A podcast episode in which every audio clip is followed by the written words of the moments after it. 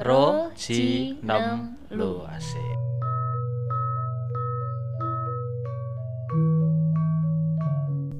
Hey yo, selamat datang Wilujeng Rawuhipun di podcast Putut Gelut. Masih dengan saya BGSJ di sini. Dan mari kita mulai ngudar cengkok kali ini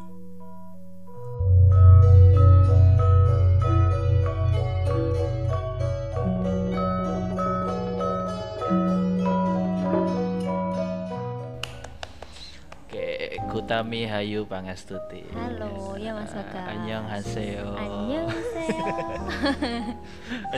Gara-gara satu postingan ya itu itu komen kayak opa kayak opa op- opa yang mana nih? Opa Jepang apa opa eh opa Korea apa opa Cina nih? Ayo Pak Jepang, senengin Jepang ketahuan nih. Enggak, opa opa maksudku opa Korea apa opa Cina? Opa Ci- opa Cina kan tua-tua ya. Apa-apa itu.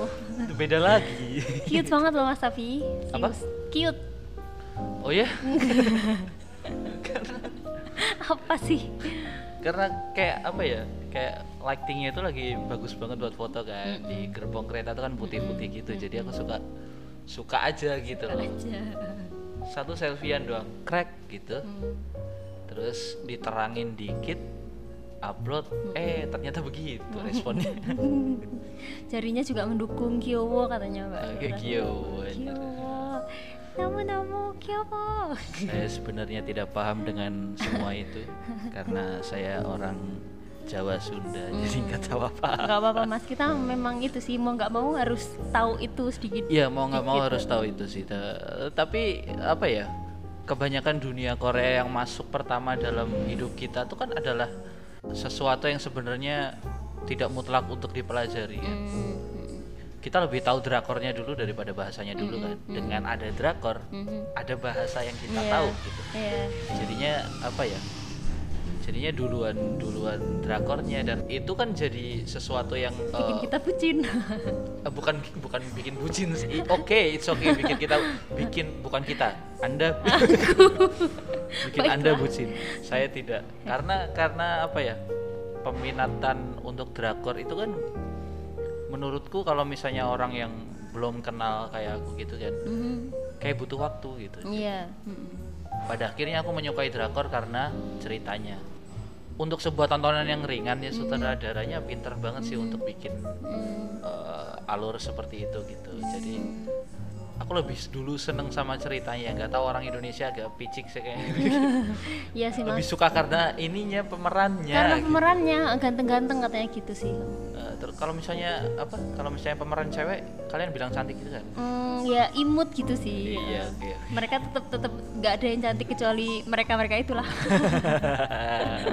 Kalau aku lebih yang sejarahnya sih mas drakor suka banget yang genre Joseon tuh yang apa sejarah-sejarah gitu. Hmm, oke oke oke Untuk selebihnya ya opa-opanya menggemaskan. sepertinya sepertinya aku dulu pernah nonton drakor juga di Hmm. tahun 2013 14-an Hmm, wih, lumayan lama. Iya masih DVD itu, masih DVD Kepingan dijual. gitu. Kepingan, Iya bajakan. Dan itu kayak yang apa ya? Aku aku sendiri waktu itu ngelihat ya yang modelnya apa sih ceritanya kayaknya ada ceritanya tuh yang ini loh kayaknya ada di zaman dulu terus kayak ke teleportasi ke zaman Oh, apa ya iya, namanya iya, aku iya, lupa. iya, iya. Pokoknya itu Iya. pertama kali aku nonton dengan khidmat gitu. Hmm, ada sih mas banyak Kyun Inhuman itu juga kayak gitu. Iya, aku nggak terlalu gitu loh. sebenarnya. Tapi hebatnya drakor emang gitu sih mas. Mereka tuh nyisipin hal-hal yang kita nggak nggak duga sebelumnya gitu. Iya, Kayak memang. Itu kan nggak nggak masuk akal gitu loh. Tapi menarik gitu. Ya, daripada sinetron Indonesia Iya sih. Kata-kata serigala. Mohon maaf. tukang bubur naik gaji udah naik gaji berapa kali gitu beli bu apa orang beli bubur tuh sampai nggak nggak ada scene-nya tuh dari scene yang jual bubur sampai yang nggak ada sama sekali ya Sampai kan? episodenya berbanyak-banyak tuh. Iya. Citra Fitri, Cin- Cinta aduh, Fitri. cinta aduh. cinta alah ikut ikutan lagi cinta Fitri 1 sampai eh, 7 ya ya 7 7 episode ya tujuh seri Tujuh- tujuh, eh, apa tujuh ya seri, ya. season ya tujuh season dan dan orang Indonesia nonton itu terus gitu iya ibuku termasuk mas sayang Oke. sekali Karena aku tidak tahu ibu kamu jadi nggak terlalu panjang. Oke oke oke oke. Eh, jadi teman-teman eh, aku mau panggil Mbak tapi panggil Gutami aja mas oke Mm, Gutami karena saya lebih kelihatan tua ya. No no no, no nggak apa-apa. nggak apa-apa. senior boleh boleh. Bang. Jadi Gutami ini adalah salah satu mahasiswa di Institut Seni Indonesia Surakarta disingkat ISIS. harus disorakin apa ditepokin Aduh, ya nanti tinggal sound efeknya bagaimana. Salah satu mahasiswa yang menurutku punya andil yang gede juga dalam kehidupan berorganisasi berorganisasi di kampus. aduh Ya dong. Karena saya tahu sekali perjalanan Anda. Oke. Sekretaris eh, Hima pada zaman saya. zaman kerja Rodi dulu eh, enggak ya. Kita main santai ya. oh. Terus apa namanya? Ketua BEM satu periode. ya Sekarang ber- di posisi di Dewan Amanat Mahasiswa. ya Iya, bekerja sama dengan anunya anu. anunya anu tapi nggak jadi jadi anu Aduh. nggak anu anuan Aduh, nggak gitu juga dong. untuk untuk yang pengen aku tanyain ke kamu nih, ya isi diem-diem aja bos. Isi nggak diem diem baik sebenarnya mas. Gimana? kemarin eh, ya pas anget-angetnya RUU itu teman-teman tuh berkumpul di TB teater besar kita jam 7 malam. Aku juga sempat datang tapi nggak di TB-nya cuma mantau di TK Iya karena bos ya, jadi tinggal mantau gitu. Bukan- bukan ya. mantau siapa ya sebenarnya nggak nggak itu sih mas pengen pengen nggak nggak nampang dan pengen nggak membaru sama mereka dulu aja sih karena aku juga masih mengamati terus ternyata mereka itu eksekusi siangnya gitu Mereka- Eksekusinya maksudnya dalam arti mereka lebih intens untuk Uh-uh. ngebahas itu siang. ya Eh, demonya. Oke oke oke. Terus apa yang dihasilkan dari Em, sementara ini belum ada forum sih mas. Karena aku sendiri juga di grup Ormawa 2020 itu kan sempat membahas juga. Maksudnya eh, teman-teman se semester dengan aku tuh tanya apa yang bakal kalian lakukan. Itu kan hal-hal wajar ditanyakan seperti itu. Tapi Iya. mereka agaknya ingin itu dibahas secara personal. Personal dalam artian untuk mereka yang ingin berangkat aja gitu. Jadi sampai sekarang aku belum tahu kabar pasti apa yang dia dapat tapi yang jelas mereka pulang ke kos masing-masing dengan anggota badannya lengkap selamat. Itu sih yang Oke, paling penting jadi intinya ada yang berangkat ke sana ya. iya. Aku sebenarnya nggak terlalu apa ya, tidak terlalu mengikuti tentang demo yang terjadi di Surakarta kemarin ya. Eh, yang jelas untuk sebuah demo yang dilakukan dalam situasi yang sedang sulit itu Mhm. bukannya menakutkan ya.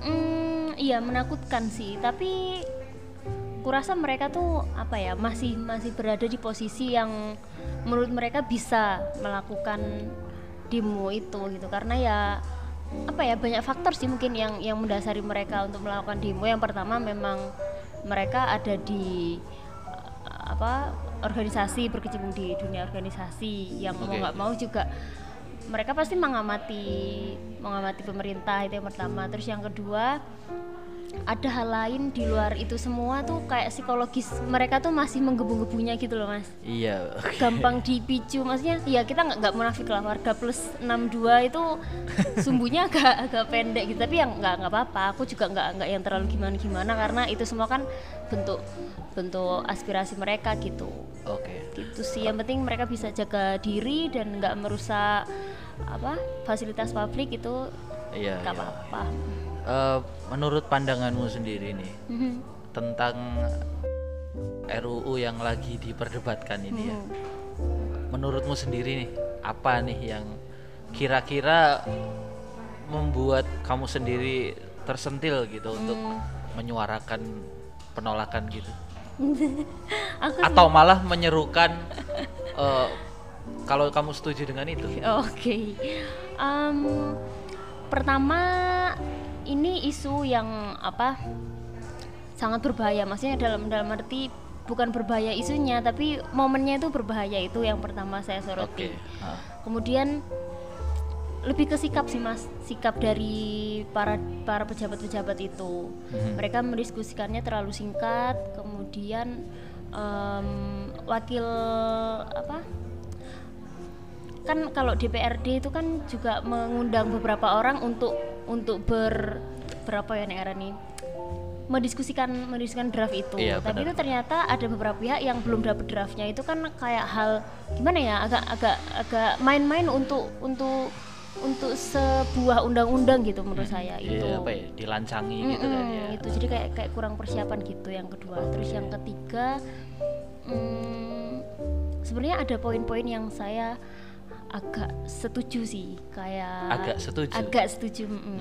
seperti sistem kerja per jam kemudian tidak ada pesangon kemudian untuk cuti ada kok saya baca cuti hamil cuti haid itu masih ada. Dan di antara itu semua secara keseluruhan saya juga nggak nggak baca semua sih males. Ratusan halaman. Jadi ada ada poin-poin yang ini loh yang yang jadi biang-biang apa ya biang-biang kesalahpahaman biang-biang kerusuhan tuh kayak gini, kerusuhan, tidak baca secara penuh gitu. Iya, heeh. tapi secara umum saya nangkep bahwa RUU ini yang nggak tahu ya mas gimana? Dibalik dibalik kontroversinya itu ada ada hal lain yang ingin ditimbulkan gitu oleh pemerintah menurut saya loh dari dari hal-hal yang saya cerita yang saya cari tahu di sosial media gitu. Oke. Pertama karena RUU ini ada banyak masyarakat yang unjuk rasa gitu karena Iya. tahu bisa bisa membaca bahwa sumbu masyarakat plus 62 itu pendek itu. Mhm. Ketika mereka unjuk rasa terus banyak fasilitas publik yang dirusak kemudian banyak toko-toko tutup otomatis ekonomi melemah.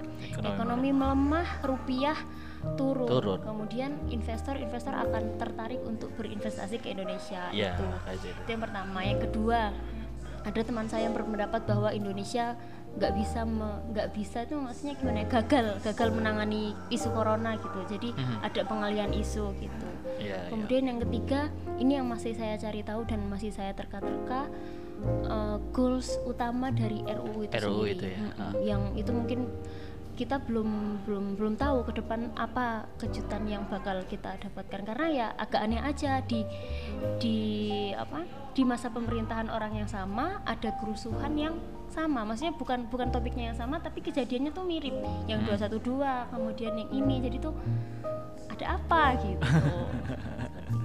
Apakah ini taktik mereka? Waduh. Nggak ngerti juga.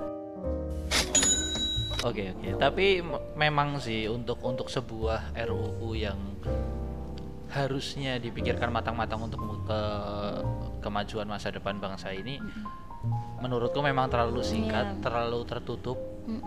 Dan mungkin ketika terekspos oleh orang pun yang terekspos adalah eh, apa ya kontroversi-kontroversi lebih Iya. dulu gitu loh daripada daripada ininya kayak manfaatnya dulu atau bagaimana gitu. Nah menurutku eh, dengan situasi ekonomi yang memang lagi lemah gini, kenapa kalau misalnya eh, kamu berpikiran seperti itu ya maksudnya kan tadi kamu bilang bahwa apakah ini taktik gitu? Mm-mm. Kayak bukannya orang-orang atas ini jadi menghancurkan negerinya sendiri kan?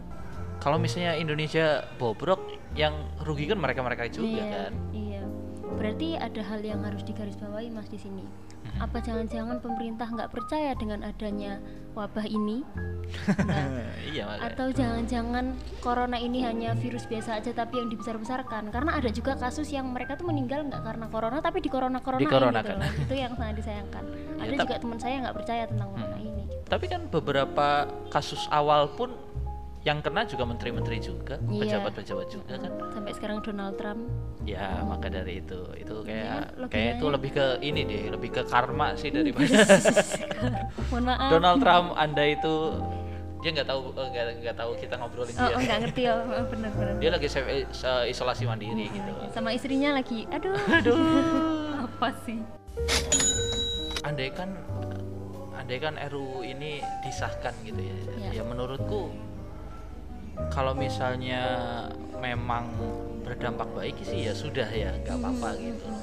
tapi kan ma- permasalahannya adalah Indonesia sekarang lagi lemah banget dan eh, warga-warga Indonesia ini lagi juga kehilangan pekerjaan karena itu Iya. dengan adanya yang apa dengan adanya RUU yang seperti ini mereka mungkin merasa kaget bahwa kalau kebijakannya dirubah lagi padahal mereka kerja yang reguler atau secara normalnya mereka sebelumnya aja sudah kayak gini apalagi harus dirubah gitu loh mm-mm. ya kan iya jadi terlalu ini sih jadi terlalu mungkin kaget aja gitu Heeh, oke. tapi mas dibalik ini semua menurut saya yang harus disuarakan yang harus didemokan itu bukan undang-undang yang dirancang kemudian masyarakat nggak setuju itu harus didemokan menurut saya Hmm. yang harus didemokan itu ketika masyarakat melanggar undang-undang gitu kalau di luar negeri kan gitu Iya. demo kemudian unjuk rasa kan mereka karena ada pejabat yang melanggar undang-undang Mhm, gitu benar. faktanya sekarang korupsi ya masih merajalela gitu jadi ya ya ada ada benar salahnya sih sebenarnya maksudnya Hmm. nggak mutlak juga saya sendiri juga belum belum dapat jawaban pasti kalau ditanya kontra atau pro masih masih mencari tahu gitu mas. Dan akhir-akhir ini kan aku juga lihat apa ya kamu share pendapat kamu tentang ini tapi kan kamu pada akhirnya tidak tidak memberikan mana yang benar mana Iya. yang salah kan? Aku juga sebenarnya seperti itu sih. Iya. Mungkin untuk untuk apa ya hal yang aku nggak suka adalah nanti investor-investor luar itu kalau misalnya sudah menjajah sini ya sama aja kayak dulu kan gitu. Hmm, dan aku nggak sukanya apa ya keadaan sekarang ya kondisi kita kan lagi sulit ya. Kenapa dipersulit dengan sampai demo sampai merusak fasilitas juga kan? Kita tahu banyak eh, akibat-akibat dari demo ini menjadi sesuatu yang menurutku juga fatal kan Iya. karena ya lihat aja sih di Jogja ada salah ada toko yang terbakar di Surabaya Bu Risma sampai marah-marah dan sebagainya kan. Kita semakin lama semakin rugi kan sebenarnya Iya. walaupun walaupun ini ya walaupun mereka ingin menyuarakan kan ya? Iya walaupun mereka ini sebenarnya punya niatan yang baik nggak mungkin. aku gak bilang baik aku lebih bilang pro saja. Oke. Eh, tapi itu lebih personal sih mas. Maksud maksud saya hmm, em, mereka tuh punya latar belakang sendiri-sendiri. Maksudnya dalam arti ada yang memang tahu dan paham apa yang mereka lakukan. Maksudnya intisari dari demo yang mereka lakukan itu mereka tahu atau ada yang mereka tuh terprovokasi atau diprovokasi gitu. Iya. Atau cuma pengen Kemudian- rame-ramean doang sih. Pengen konten bisa aja. Iya. terus ada juga yang mereka mungkin di bawah tekanan gitu nggak nggak ngerti juga sih. Karena ya mm, sebenarnya menyalahkan mereka yang merusak merusak fasilitas umum juga nggak sepenuhnya tepat karena menurut Iya. saya mereka terdiri dari berbagai macam latar belakang gitu mungkin ada yang mereka temperamen Mhm. anaknya preman terus yang mereka latar belakangnya nggak bisa dikatakan kurang kurang terdidik atau atau semacamnya Hmm. tapi ya tetap saja namanya perilaku kurang terpuji ya kurang terpuji tapi itu semua kembali ke mereka masing-masing sih mas menurut saya gitu Ya, tapi kan kita tahu sendiri ya bahwa eh, demo pun kan punya aturannya, ada Iya, aturannya juga kan. iya.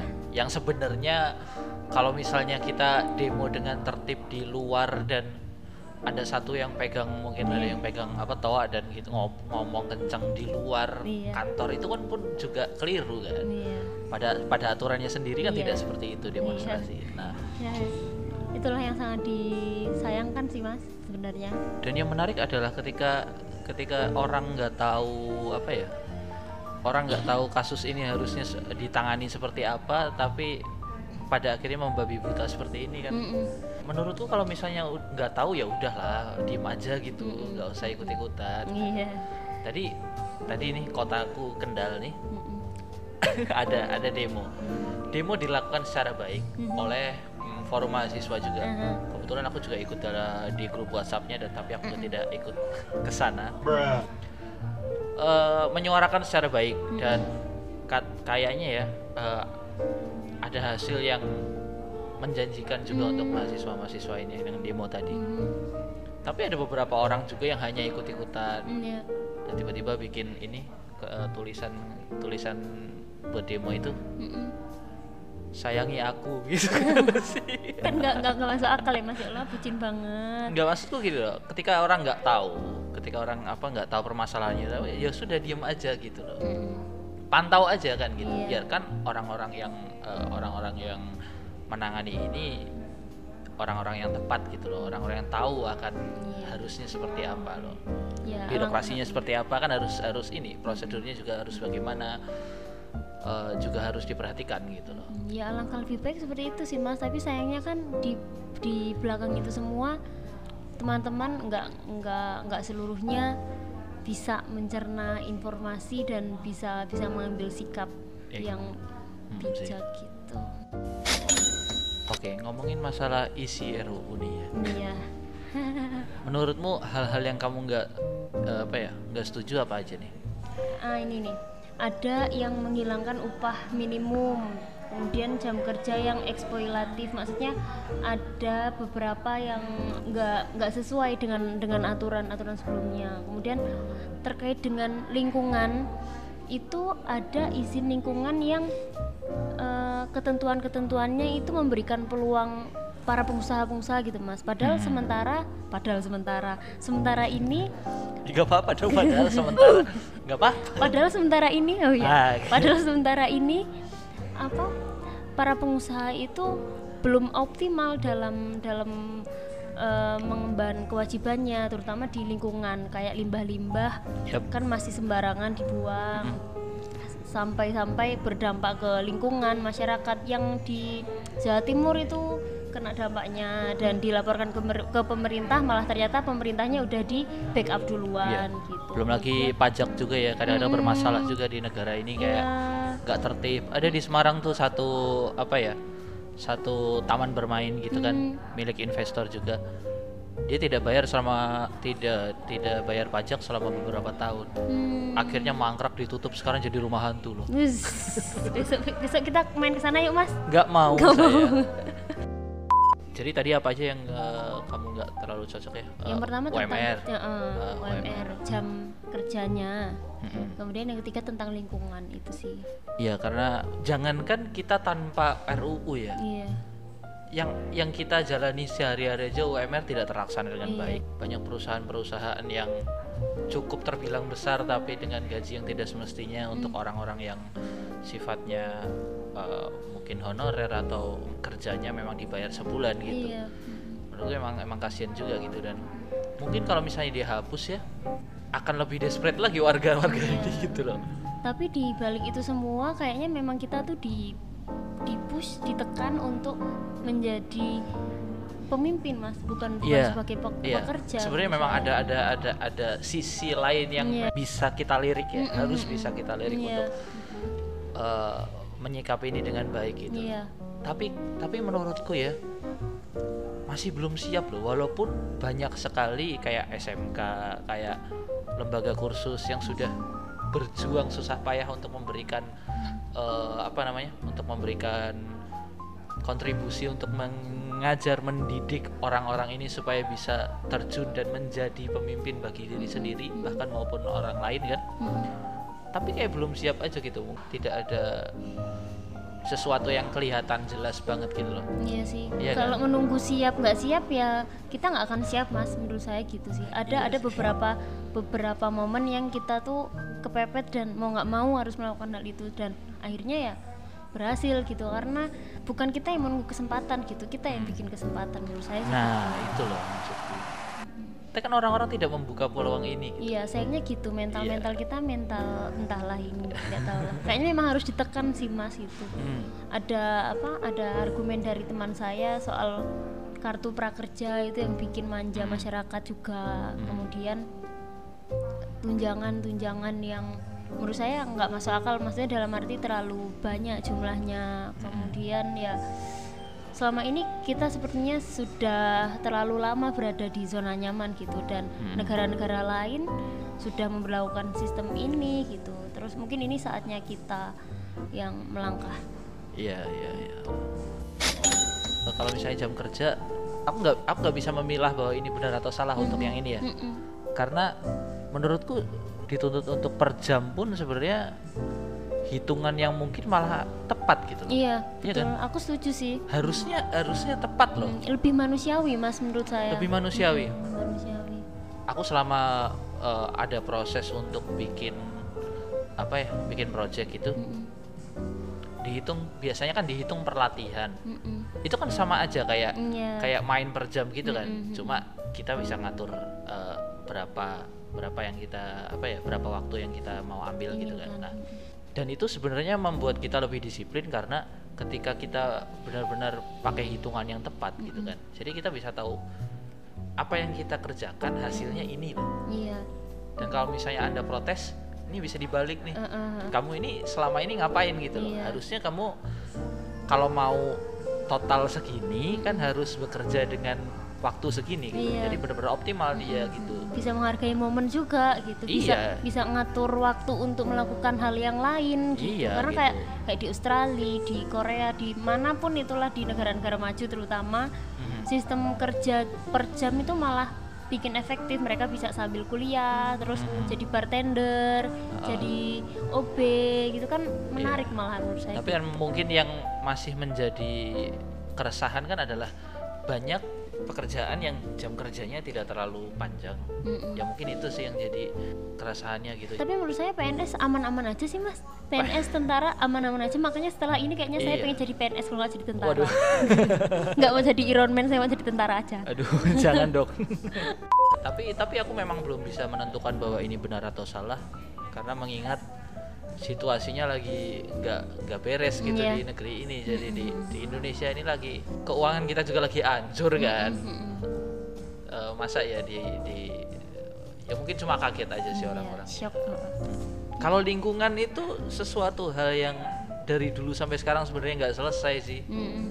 masih mendarah daging Iya masih mendarah daging. Jadi mau mau bagaimanapun eh, case yang ini tuh menjadi menjadi sesuatu yang sebenarnya bukan jadi misteri, cuma memang jadi masalah besar dan dan harus diselesaikan dengan tepat sih. Iya, berhubungan dengan diselesaikan mungkin pemerintah punya terobosan lain untuk menyelesaikan lingkungan khusus lingkungan gitu. Hmm. Mungkin. Nah, kalau misalnya begitu ya harusnya kan apa ya untuk pembahasan RU ini memang harus lebih panjang gitu dan lebih matang gitu. Iya. Jadi pemetaan pemetaan arahnya mau ke mana itu memang harus ditentukan dengan baik gitu. Kesannya jadi memang mendadak dan kita lihat beberapa kontroversi yang sudah terjadi Mm-mm. yang di fraksi Demo enggak enggak, enggak pokoknya eh, fraksi depannya demo belakangnya kerat gitu ya. bilang. malah dijelasin yang mereka work out kan mas Iya, eh, menurutku sih untuk sebuah pembahasan RUU yang harusnya waktunya panjang sebenarnya hal-hal yang seperti itu harus harusnya tidak ada gitu loh. Memang memang keresahannya menjadi lebih besar karena ada hal-hal seperti ini dan kita tahu bahwa yang menjadi orang demo kan termasuk yang seperti ini seperti ini. iya mungkin mereka work out itu karena mereka takut micnya dimatiin mas jadi mereka matiin mic duluan Aduh, tapi menurutmu gini, matiin mic Iya itu salah apa enggak? Menurut saya salah. Nah. itu termasuk membungkam pendapat seseorang kok gitu. Tapi itu cara yang cerdik karena cara jauh nih his gimana ngoto nggak ngerti apa apa jadi ya selesai. Ya, ya tapi kan sewajarnya orang tidak tahu harusnya dijelasin dong. iya harusnya seperti itu. Heeh. biasalah mama. Aduh, aduh kok langsung mama nih? Aku nggak bilang nggak bilang ini laki apa perempuan ya. Tiba-tiba langsung mama gini ya. Ya kita semua tahu lah. iya rahasia umum lah. Iya, bukan rahasia lagi sebenarnya kalau udah bilang rahasia umum ya. Pokoknya depannya pu, belakangnya an. ya Eh, ya memang memang salah karena membungkam membungkam orang itu kalau memang ber- katanya kebebasan berpendapat tapi kan kalau seperti itu ya Iya. dan dan lebih gilanya lagi ketika ini terekspos oleh orang gitu. dan sebenarnya kan memang tidak banyak eh tidak sedikit kasus tentang eh, perdebatan di parlemen dan dan sebagainya gitu kan karena karena sekarang media sudah terbuka gitu. Memang harus terbuka ya. Tapi untuk sebuah keterbukaan harusnya nah inilah aku yang kadang-kadang jadi rasa harusnya kita memang menyaksikan hal-hal yang seperti ini tuh harus memang harus penuh gitu tidak boleh setengah-setengah iya gitu. betul. Pada akhirnya kan kita semua nggak tahu ya apa yang sebenarnya terjadi ketika ada kejadian itu gitu loh. apa yang terjadi sebelumnya Iya, gitu kan. iya. Wong sebenarnya kalau misalnya aku jadi saya eh, aku ada di posisi yang mimpin rapat itu ya aku mungkin bisa membela diri karena sebenarnya dia pun juga akan memberikan penda- eh, akan memberikan kesempatan untuk dia ngomong iya iya. Ya kan? Iya. tapi mungkin salahnya karena aku cuma karena aku cuma ngelihat ya mungkin salahnya adalah ketika palu itu diketuk baru bilang gitu iya ya kan itu agak aduh kenapa kamu nggak tadi sih ngomongnya dari sisi si pemimpin rapat gitu Mm-mm. tapi dari sisi si apa ya dari fraksi yang kita bahas, Iya. kita sebut tadi ini kan sesuatu yang eh, salah dengan Iya. mengetuk nah ini kan yang jadi Jadi kebingungan orang-orang yang nonton gitu. Iya. Dan, memang harusnya untuk sebuah informasi yang eh, sifatnya krusial gini kan harusnya memang diperlihatkan penuh gitu loh untuk untuk untuk memberitahu bahwa ini kejadiannya sebenarnya ada iya, gitu. iya, harusnya seperti itu sih mas. Tapi ya siapa sih hakim sebijak-bijaknya di dunia ini? Waduh, Wah, saya nggak tahu. maksudnya ya ada gimana ya agak tergesa-gesa memang. Kemudian ada maksud lain jelas lalu positif negatif yang ditimbulkan juga kita belum belum belum paham pasti gitu Belum jadi paham ya pasti. ya memang hal ini menarik sih menurut Ah. saya dan saya menunggu apa sih nanti yang akan terjadi selanjutnya Kalau misalnya hal-hal yang kamu setuju nih, yang aku setuju dengan Ah. adanya RUU ini ah. susah ya ngomong setujunya ya. Nanti dikira kamu pro nih. masih banyak hal yang harus di itu sih mas harus harus, Harus dicari dikorek ya. Jadi iya. jadi belum belum ini ya, iya. belum belum terlalu. Mm-mm. tadi pun saya juga nggak nggak sepenuhnya kontra kok Sebenarnya memang harus ditelaah dengan Iya, baik untuk sebuah ditelaah. kebijakan ya. Cuma menurutku ya memang karena apa ya?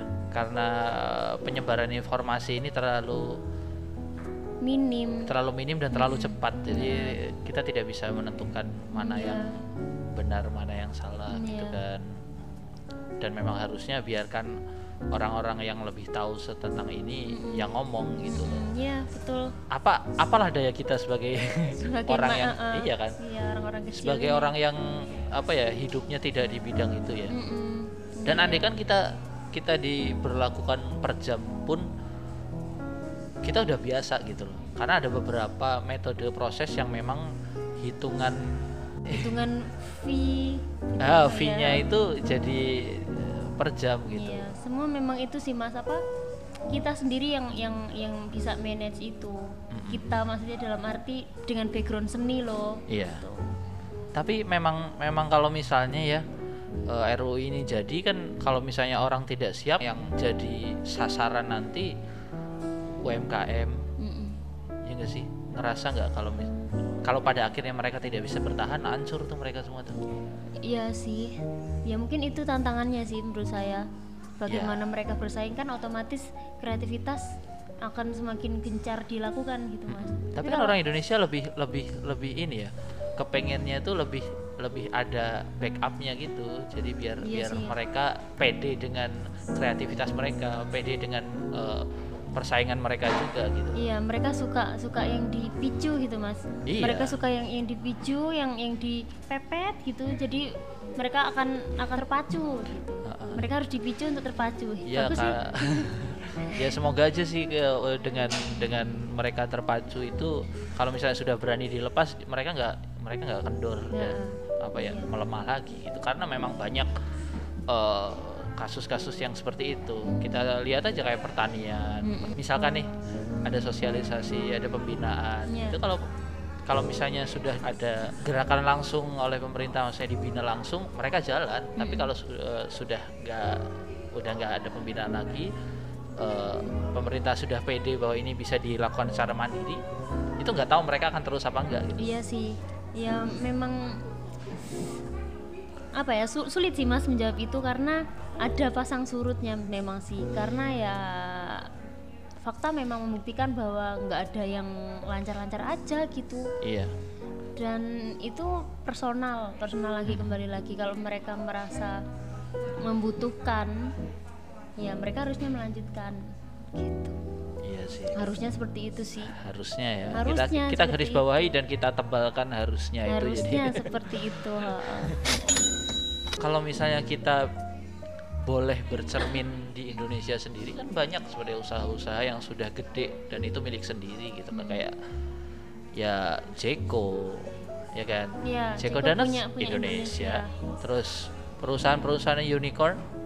Hmm, yang itu kan ya mungkin eh, mungkin ada yang dari luar negeri tapi kita bisa lihat Gojek Gojek benar-benar yang dari Indonesia gitu kan dan mereka bisa berkembang kan. Menurutku dengan dengan usaha yang tepat aja gitu mereka bisa sebenarnya seperti ini. Dan Indonesia sebenarnya dari dulu harusnya bisa seperti ini gitu. Iya, produk-produk kosmetik juga banyak yang dunia udah sudah merasakan gitu. Dan ya iya.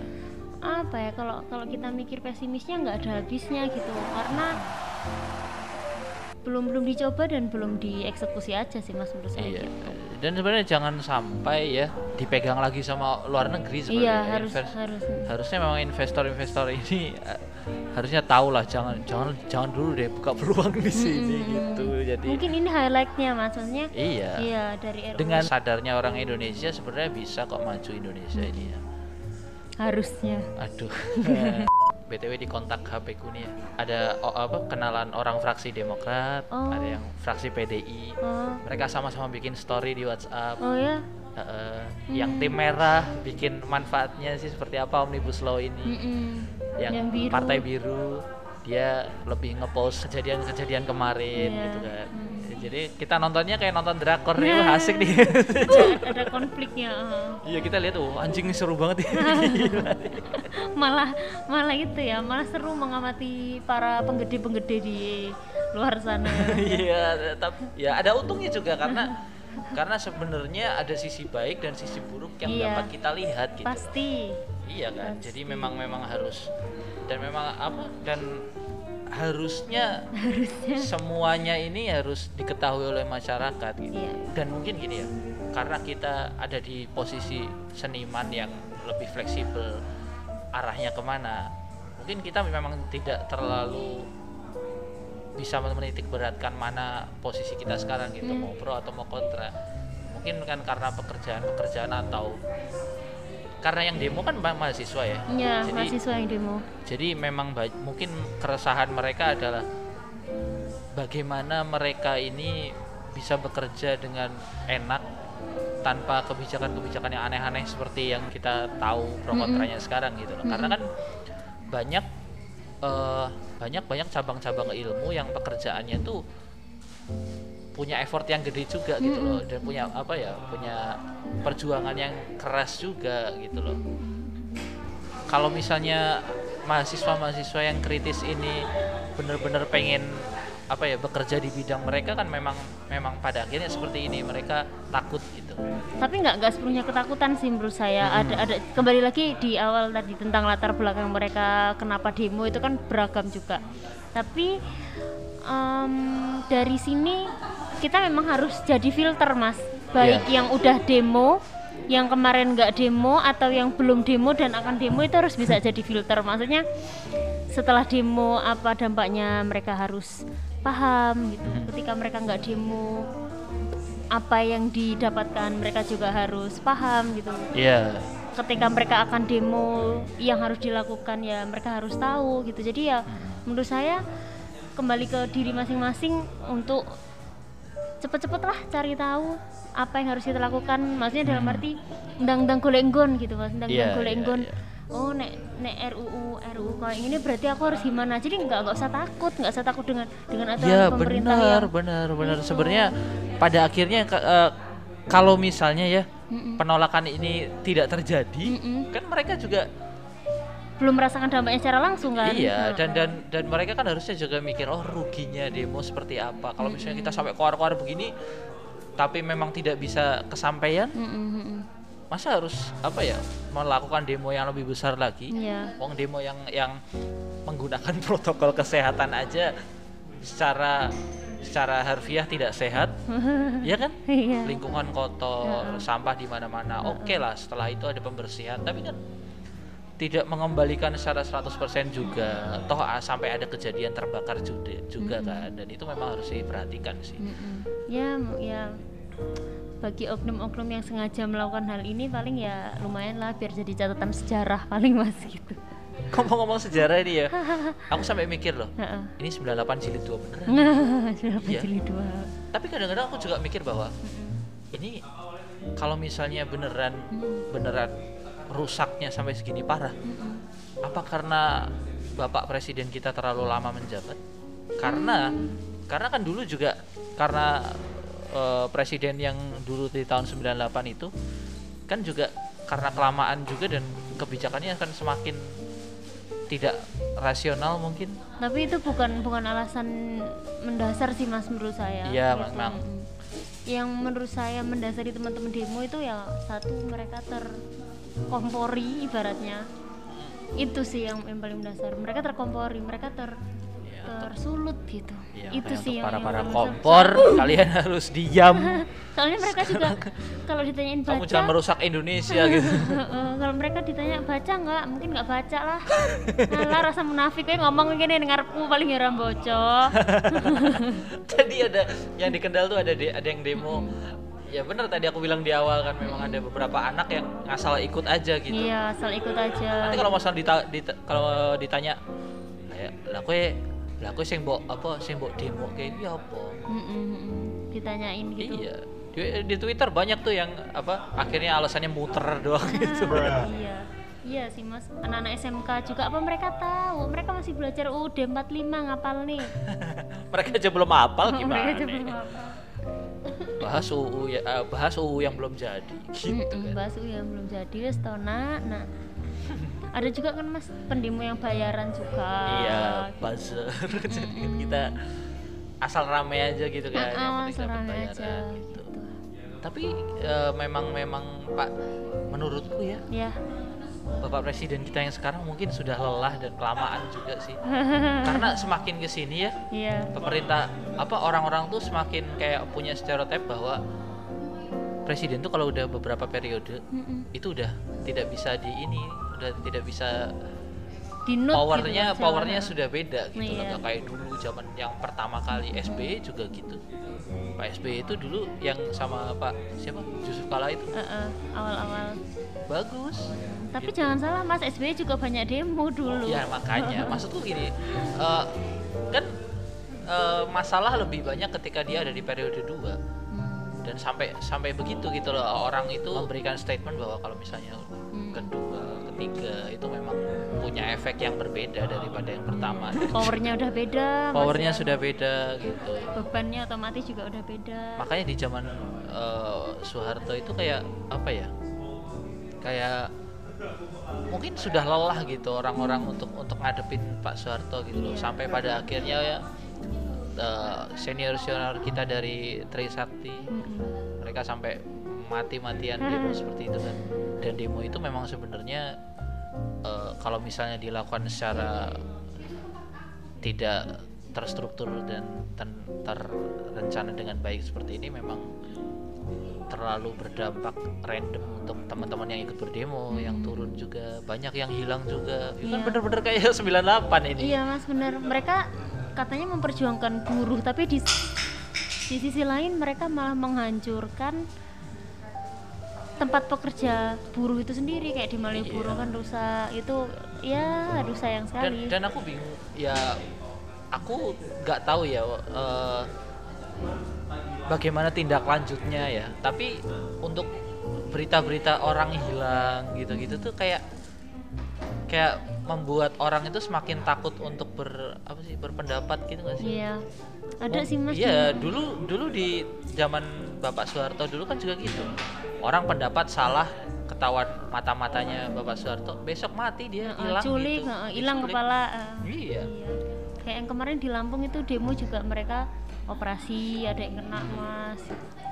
Iya dan dan itu kan eh, dampak-dampak yang tidak terduga juga kan. Sampai sebesar ini demo yang terjadi jadi eh, harusnya semakin ke sini semakin cerdas lah kalau Iya, misalnya kalau misalnya ingin menyatakan pendapat hati-hati gitu aja Hati-hati. maksudnya bukan bukan berarti langsung nggak boleh gitu nggak cuma hati-hati aja menurutku ya kayak kita ngobrol di podcast ini sebenarnya kita kita agak ini ya agak punya ketakutan sebenarnya untuk Iya ngobrol sih. ini seperti ini gitu.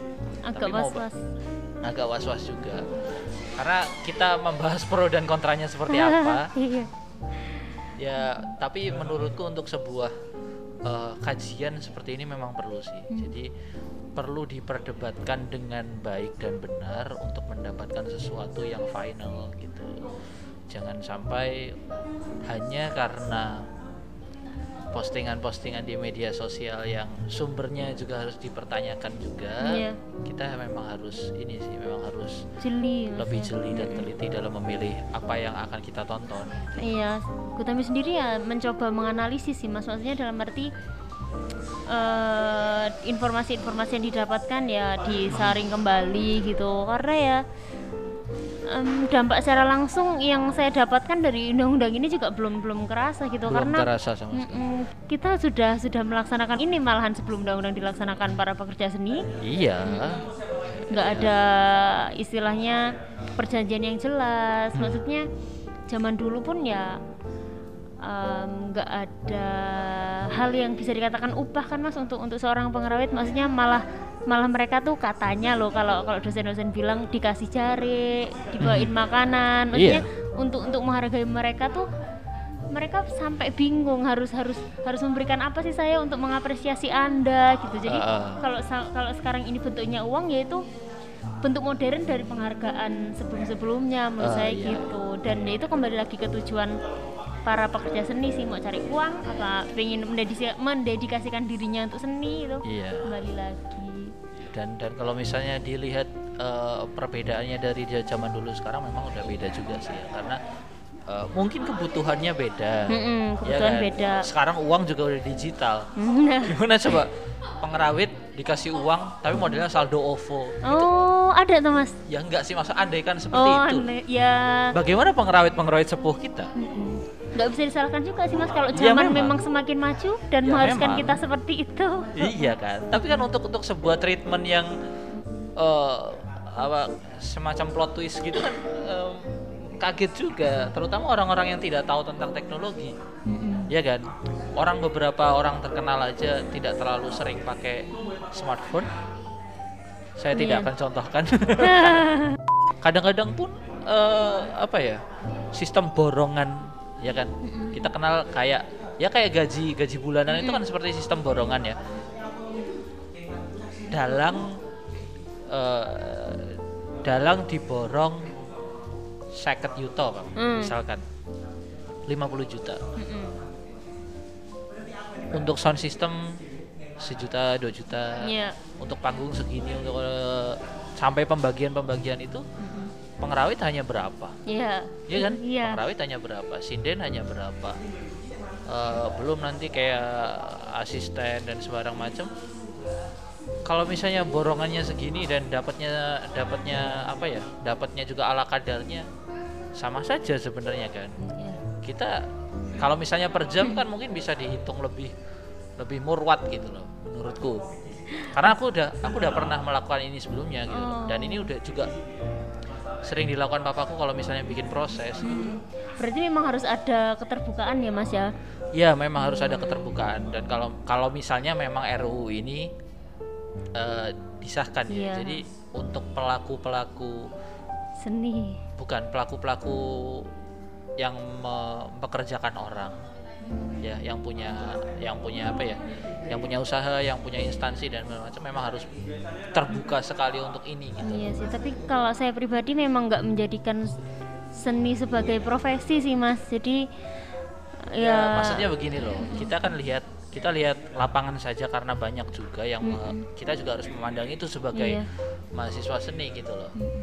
Iya sih. harusnya kita yang menjadi garda depan untuk ini. Bukan yang bukan kita yang hanya melihat saja gitu. Bahwa kita sebagai eh, mahasiswa seni atau lulusan seni kita harus lulusan akademisi ya maksudnya lulusan yang benar-benar di eh, diberi pendidikan secara formal itu harus memang harus tahu seperti ini gitu loh. Dan memang benar untuk sebuah eh, pekerjaan memang harus membuka peluang sih daripada mengikut orang terus gitu. Oke boleh, tapi kan tidak selamanya seperti itu gitu loh. Kalau misalnya yang digantungkan ini sudah tidak memiliki kekuatan, di samping dia juga tidak eh, tidak eh, tidak bisa hidup yang satunya juga kerugiannya juga parah juga sih menurutku dan ini harus diperhatikan juga sih ya semoga dari apa ya dari obrolan kita ini tidak menimbulkan kontroversi yang baru saya saya berharap enggak sih mas karena enggak enggak karena karena kita mengupas secara dua sisi dua kok. sisi Mm-mm. jadi kita tidak memihak siapa pun sekali lagi kita tidak memihak siapa pun Iya. Eh, kita cuma melihat eh, sisi baiknya bagaimana dan sisi buruknya bagaimana dan sekali lagi kita belum bisa memberikan pendapat pasti bahwa kita pro atau kontra tentang Iya. ini karena kita juga masih menelaah dengan baik betul dan makanya kita tidak ikut demo jadi ya semoga dengan adanya apa podcast ini teman-teman bisa bisa mencari tahu sih mas nyaring kembali cari Hmm. tahu kembali karena saya juga nggak memihak hal-hal tertentu apaan sih gue itu deh pokoknya aku males ngomong serius. Gitu pokoknya. Pokoknya ngono ya rek. Wis lah. Hmm, oke oke oke. Gitu cari tahu sebijak mungkin. Uh, yang penting yang penting kita dalam menerima informasi harus uh, harus benar-benar dipilih ya. Karena banyak juga postingan-postingan yang kadang-kadang tidak benar. Nggak apa-apa pokoknya lah, bukannya demo harus nggak apa-apa. harus disikapi. Demo boleh bego jangan. Demo iya dong. Demo boleh bego jangan iya betul betul. Iya dong. Demo harus tahu konteksnya apa gitu loh. Tapi jangan ya ya, ya benar-benar ah. iya kan? Demo boleh begok jangan. Jangan udah demo begok pula. Nggak nggak gitu teman-teman. Lanjut. pokoknya kalau kalian merasa berarti ya ya udah. Post postingannya postingannya banyak tuh yang kertasnya tulisannya. Aku lebih sayang Anya Geraldine. Apa hubungannya apa hubungannya? Kan mereka Anya kayak- Geraldine sudah sukses. Hmm. tanpa undang-undang pun dia sudah bisa hidup cari makan punya apartemen. Aduh. Kenapa harus aku sayang Anya Geraldine ya, gitu? itu kan mas malah jadi konten kan? Sebagian Iya. memang seperti itu sih ada yang jadi tempat mereka untuk bucin Aduh. dan karena sosial media kita itu bisa menghasilkan uang kan jadi peluang mereka iya, juga untuk betul. Wah ini ini ini kita bisa cari uang nih. Ini kan seperti lambe turah tapi lebih pemerintahan aja gitu ya tapi bleber. Bukan lebih bleber. Fokusnya lebih pemerintah. Jadi lebih ke hal yang sifatnya lebih luas gitu daripada cuma gosip-gosip artis. Banyak ya mas. Ternyata ya setelah kita kupas tuh ada ada hal-hal yang itu ya ternyata. Iya. Yang ngono lah rek ya sekali lagi banyak pro kontra di balik eh, semua yang kita bahas Eh, banyak hal-hal yang harus kita saring juga bagaimana. Dan sekali lagi kita tegaskan bahwa kita tidak bisa menentukan atau belum bisa menentukan mana yang benar untuk urusan ini dan ur- yang salah untuk urusan ini karena memang kita tidak terlalu pro. Cuma kita Juga ikut menelaah aja kontra. kita kita kita kita lebih ke analisis aja Iya. semampu kita gitu betul